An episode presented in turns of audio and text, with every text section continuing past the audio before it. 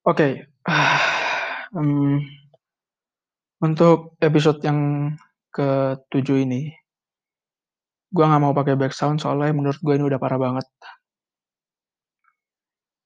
Gua ngomong ini dari pengalaman gue sendiri, ini alasan gue kenapa sampai sekarang sampai sekarang itu gue terlalu jujur dalam komentari orang, bahkan sampai nyakitin hati orang, gue minta maaf, dan kenapa manusia makin lama makin cemen. Gini, gue lulus dari SMA itu gue kira masalah-masalah gue udah kelar, masalah cewek, masalah temen, masalah TO, gue kira udah kelar. Ternyata ada satu masalah yang ngikut gue ke kuliah. Gak lama setelah lulus, beberapa bulan setelah itu, buku tahunan dibagiin.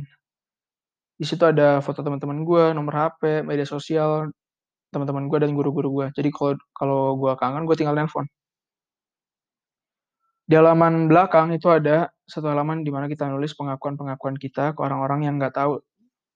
Pengakuan-pengakuan kita yang kita laku eh, apa sih bahasanya? Kita nulis pengakuan-pengakuan kita yang orang nggak tahu selama SMA. Hmm. Cuman sayangnya halaman itu disalahgunakan. Isinya jadi sindir-sindiran, ejek-ejekan, maki-makian, dan itu pedas semua. Gue bacain beberapa ya, gak usah so ganteng. Kok jamet? Gak usah so cantik.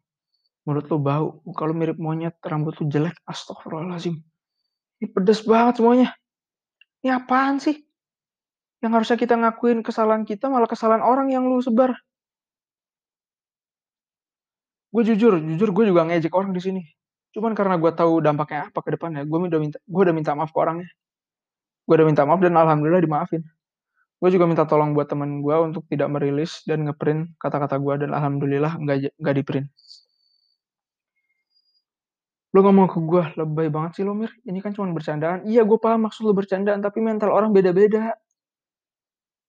Kalau gimana ya, masalahnya ini tuh anonimus. Lo nggak tahu siapa yang nulis. Kalau ada namanya gitu nggak apa-apa, misalkan. Dari Tono, Mir lu nggak usah so asik deh. Gue bisa ngomong ke Tono, Ton, lo ada masalah apa sama gue? kita bisa ngobrol, kita nggak bisa ngebahas. Maafan, pengertian, mentok-mentok kita berantem, masalah kelar, tapi ini enggak. Lo nggak tahu siapa yang nulis.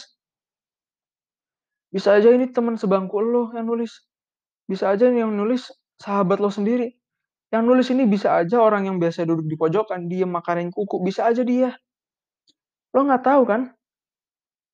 Ini kalau yang baca mentalnya nggak kuat, bisa stres, aduh gue ada salah apa ya gue ada salah sama siapa ya gue ngapain aja di SMA sampai orang ngomong kayak gini kasihan ya Allah ya Rabbi subhanallah. Ada juga yang nulis ke gue di halaman itu cuman gak diketik. Gak di print gak dirilis. Gimana gue tahu? Soalnya teman gue ngasih tahu halaman fullnya. Gue baca ada nama gue gue inget banget tulisannya kayak gini. Buat Emir nggak usah banyak gaya, satu IPS nggak suka sama lo. Gini ya, kok gue mau nanya apa kalau sudah mempresentasikan seluruh murid-murid IPS untuk lo ngomong kayak gini? Soalnya apa? Gue ada temen dari jurusan IPS juga dan sampai sekarang kita masih temenan deket kok. Kita masih temenan. Kalau lo ada masalah sama gue atau sama siapa pun, lo ngomong. Jangan sembunyi di balik HP dan kertas. Giliran di medsos galak. Pas ketemuan bisu. Mau lu apa sih?